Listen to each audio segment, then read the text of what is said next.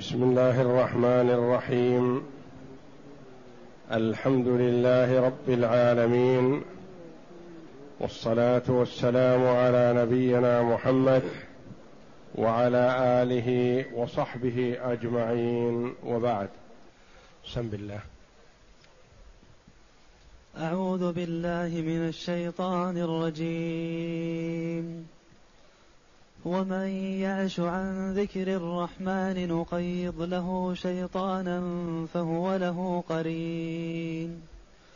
وإنهم ليصدونهم عن السبيل ويحسبون أنهم مهتدون. حتى إذا جاءنا قال يا ليت بيني وبينك بعد المشرقين فبئس القرين. ولن ينفعكم اليوم إذ ظلمتم أنكم في العذاب مشتركون. هذه الآيات الكريمة من سورة الزخرف. يقول الله جل وعلا ومن يعش عن ذكر الرحمن نقيض له شيطانا فهو له قرين. مثل قوله جل وعلا ومن يشاقق الرسول من بعد ما تبين له الهدى ويتبع غير سبيل المؤمنين نوله ما تولى ونصله جهنم وساءت مصيرا. وقال جل وعلا وقيضنا لهم قرناء فزينوا لهم ما بين أيديهم وما خلفهم. فالله جل وعلا يقول في هذه الآية الكريمة ومن يعشو والعشو يعشى بمعنى ضعف البصر. والمراد هنا والله أعلم ضعف البصيرة. يعمى تعمى بصيرته عن الحق وعن القرآن. يعرض عن القرآن لا بد وأن يشتغل بشيء ما. الإنسان لا بد أن يشتغل إما بالخير وإما بالشر. أما أن يترك بالكلية هذا لا يمكن. فإن اشتغل بالخير هدي ووفق واستقام على الحق واطمأنت نفسه واستراح خاطره. وإن أعرض عن الحق اشتغل بالشر. ومن يكون قرينه إذا اشتغل بالشر يكون قرينه الشيطان. وهو إمامه وهو دافعه. والأول قرينه الملك. يهديه ويسدده ويدله ويبصره. فيكون في كل أموره على هدى وبصيرة. وهذا والعياذ بالله الذي أعرض عن ذكر الله يكون في شقاوة وتعاسة وإن كان يظن أنه هو الذي على الحق. ومن يعش عن ذكر الرحمن نقيض له شيطانا نسبب له شيطان. يكون معه شيطان متسلط عليه يدفعه إلى الشر ويبعده عن الخير يرغبه في الحرام ويزهده في الحلال وهكذا. وقد ورد في الحديث أن كل كل ابن آدم معه قرين. كما قال النبي صلى الله عليه وسلم لعائشة لما ثارت غيرتها قال أجاءك شيطانك قالت أو معي شيطان؟ قال نعم. كل ابن آدم معه. قالت وأنت؟ قال وأنا لكن الله أعانني عليه فأسلم. وبين هذا في حديث آخر للصحابة رضي الله عنهم. فقالوا وأنت يا رسول الله؟ قال وأنا لكن الله أعانني عليه فأسلم. فلا يأمرني إلا بخير. وروي الحديث فأسلم يعني شيطاني فأسلم هو. أو ورؤيا فأسلم يعني أعانني عليه فأنا أسلم منه فلا يتسلط علي. نقيض له شيطانا فهو له أي الشيطان له قرين مستمر معه. وكما ورد في الحديث الآخر أن الكافر معه الشيطان يأكل معه ويشرب معه وينام معه ويدخل معه ويخرج معه. وأما المؤمن فشيطانه يتصيد فلتاته يتصيد منه الغفلة فإذا رأى منه الغفلة هجم عليه. وإذا ذكر الله جل وعلا وتبصر في أمره ابتعد عنه. والمؤمن في جهاد مع نفسه ومع شيطانه. والكافر سلم القيادة لشيطانه والعياذ بالله فهو يأمره بالسوء وينهاه عن الخير. ومن يعش عن ذكر الرحمن عن ذكر الله جل وعلا يعرض عن القرآن والإسلام والإيمان والصلاح نقيض له شيطانا. نسبب له شيطانا يتابعه يصطحبه. نقيض له شيطانا فهو له قرين يعني ملازم له مستمر معه. اقرأ. يقول تعالى ومن يعش أن يتعامى ويتغافل ويعرض عن ذكر الرحمن والعشاء في العين ضعف بصرها والمراد به ها هنا عشاء البصيرة. نقيض له شيطانا فهو له قرين كقوله ومن يشاقق الرسول من بعد ما تبين له الهدى ويتبع غير سبيل المؤمنين نوله ما تولى ونصله جهنم وساءت مصيرا. وكقوله فلما زاغوا أزاغ الله قلوبهم. زاغوا أعرضوا عن الحق سلط الله عليهم. نعم. وكقوله وقيضنا لهم قرناء فزينوا لهم ما بين أيديهم وما خلفهم. يعني زينوا لهم الدنيا وزهدوهم في الآخرة. وحق عليهم القول في أمم قد خلت من قبلهم من الجن والإنس إنهم كانوا خاسرين. ولهذا قالها هنا وإنهم ليصدونهم عن السبيل ويحسبون أنهم مهتدون. حتى وقد أخرج ابن أبي حاتم عن محمد بن عثمان المخزومي أن قريشا قالت قيضوا لكل رجل من أصحاب محمد صلى الله عليه وسلم رجلا يأخذه يعني يجادله ويخاصمه ويتسلط عليه.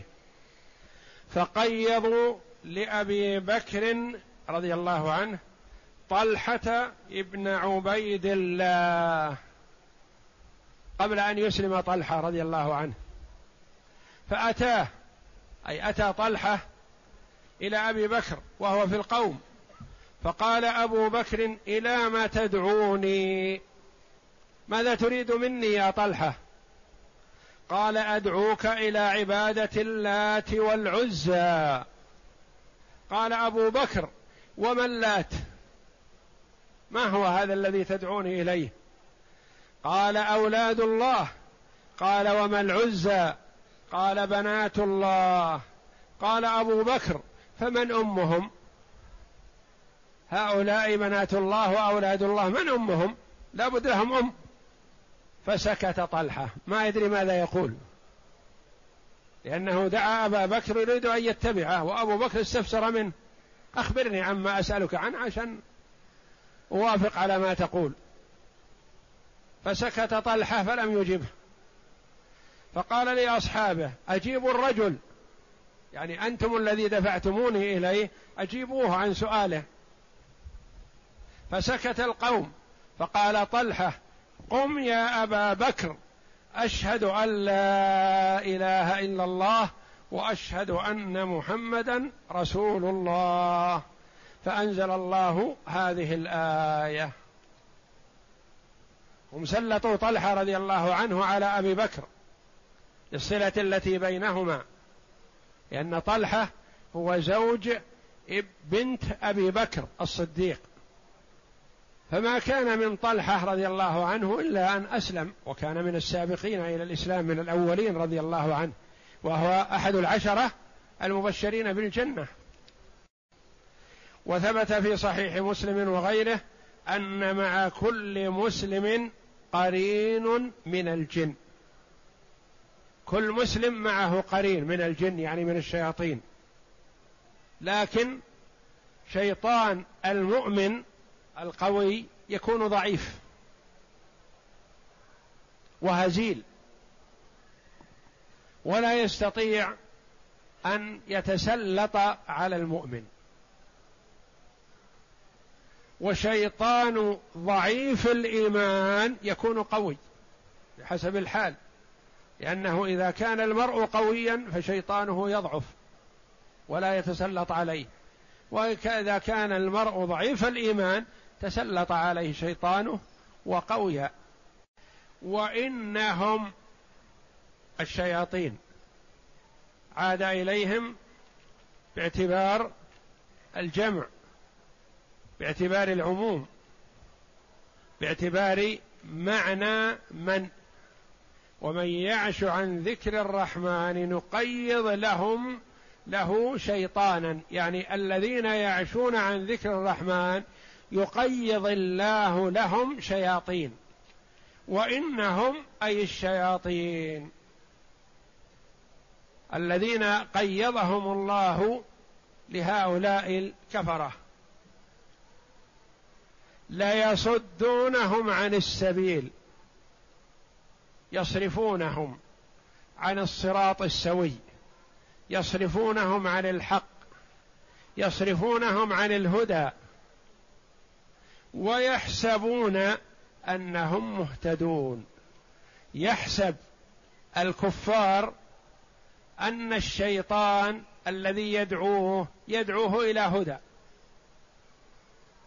أو يحسب الكافر باستجابته للشيطان أنه على هدى.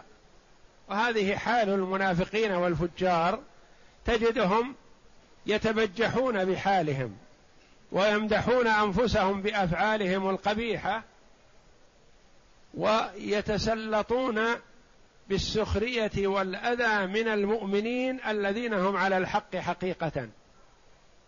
ويحسبون أنهم مهتدون. فالمرء إذا انتكست فطرته والعياذ بالله رأى الحق باطلا فاجتنبه ورأى الباطل حقا فسلكه والعياذ بالله لأنه أعمى البصيرة لا أعمى البصر.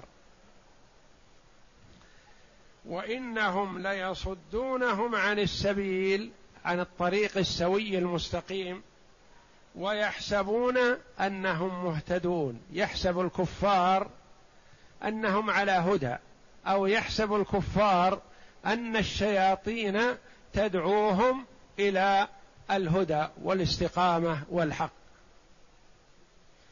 وإنهم ليصدونهم عن السبيل ويحسبون أنهم مهتدون. حتى إذا جاءنا أي هذا الذي يتغافل عن الهدى نقيض له شيطانا نقيض له من الشياطين من يضله. حتى إذا جاءنا متى؟ يوم القيامة. حتى إذا جاءنا وتسلى وأخذ بيده الشيطان لأن الشيطان حينما يبعث الفاجر والكافر والعياذ بالله إذا شيطانه بانتظاره يقرن بينهما. فيقال هذا قرينك في الدنيا هو قرينك اليوم. والمؤمن يكون قرينه ملك من الملائكة يأخذ بيده حتى يدخله الجنة. إن الذين قالوا ربنا الله ثم استقاموا تتنزل عليهم الملائكة ألا تخافوا ولا تحزنوا. وأبشروا بالجنة التي كنتم توعدون. نحن أولياؤكم في الحياة الدنيا وفي الآخرة. إذا بعث المؤمن من قبره وإذا الملك بانتظاره يأخذ بيده ويبشره. فيسر فلا يخاف ولا يحزن.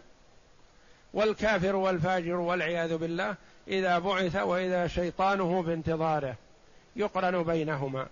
فحينئذ يتمنى الكافر والفاجر أنه لم يعرف هذا. يقول ليتك ليت بيني وبينك مثل ما بين المشرق والمغرب.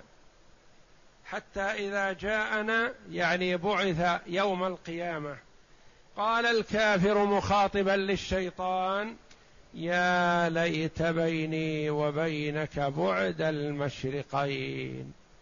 ليتي لم اعرفك ليت بيني وبينك مسافة كما بين المشرق والمغرب. والمشرقين يطلق على المشرق والمغرب. كما يقال العمران يطلق على أبي بكر وعمر. ويقال القمران على الشمس والقمر. ويقال الأبوان على الأب والأم. فكثيرا ما يطلق اللف المثنى على اثنين بينهما صلة.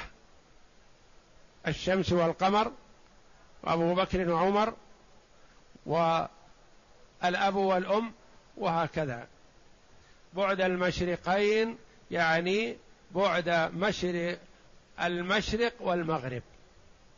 وقيل المراد بالمشرقين مشرق الشمس في أطول يوم من أيام السنة ومشرق الشمس في أقصر يوم من أيام السنة والأول أشهر والله أعلم لكثرة استعماله فيقال المشرقين للمشرق والمغرب. فإذا وافى الله يوم القيامة يتبرم بالشيط بالشيطان الذي وكل به. قال يا ليت بيني وبينك بعد المشرقين فبئس القرين. أي فبئس القرين كنت كنت لي في الدنيا. وقرأ بعضهم حتى إذا جاءنا يعني القرين والمقارن. قرئ بالتثنية حتى إذا جاءنا قال يا ليت بيني وبينك. قراءتان سبعيتان حتى إذا جاءنا الكافر ومعه قرينه أو حتى إذا جاءنا قال يا ليت بيني وبينك بعد المشرقين فبئس القرين. يقول له الآن بعدما فات الأوان يقول بئس القرين أنت. يقول الكافر للشيطان بئس القرين أنت. بينما كان في الدنيا يألفه ويأنس به ويأتمر بأمره وينتهي عن نهيه. ينهاه عن الخير فيطيعه ويأمره بالشر فيطيعه.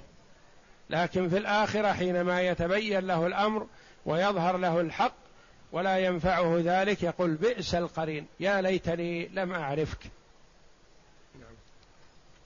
قال عبد الرزاق أخبرنا معمر قال بلغنا أن الكافر إذا بعث من قبره يوم القيامة سفع بيده شيطان فلم يفارق حتى يصيرهم الله تعالى إلى النار.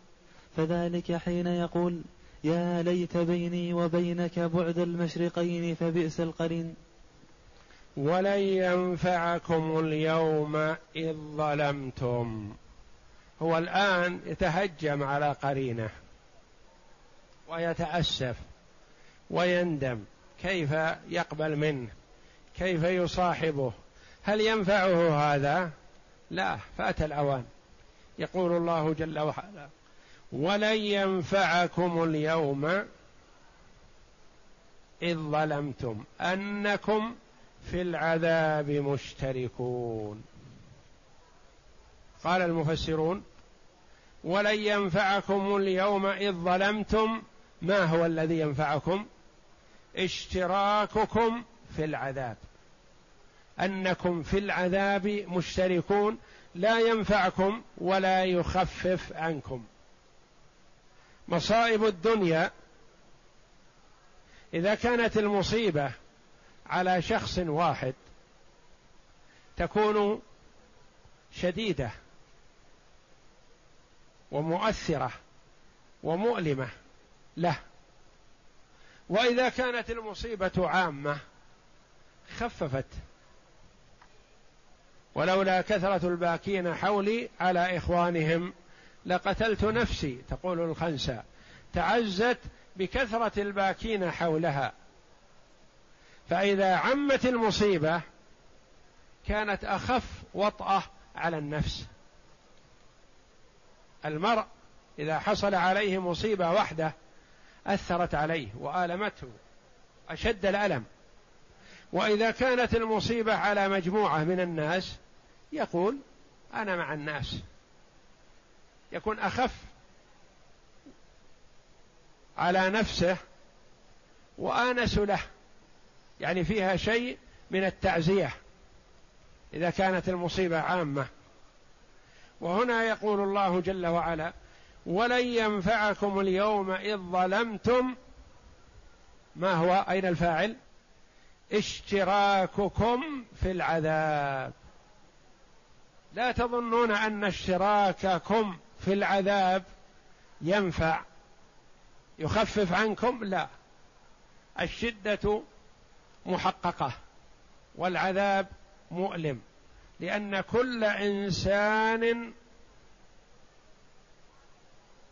مستغرق بما هو فيه من الشقاء والعذاب لا يدري عن من حوله فيخفف عنه.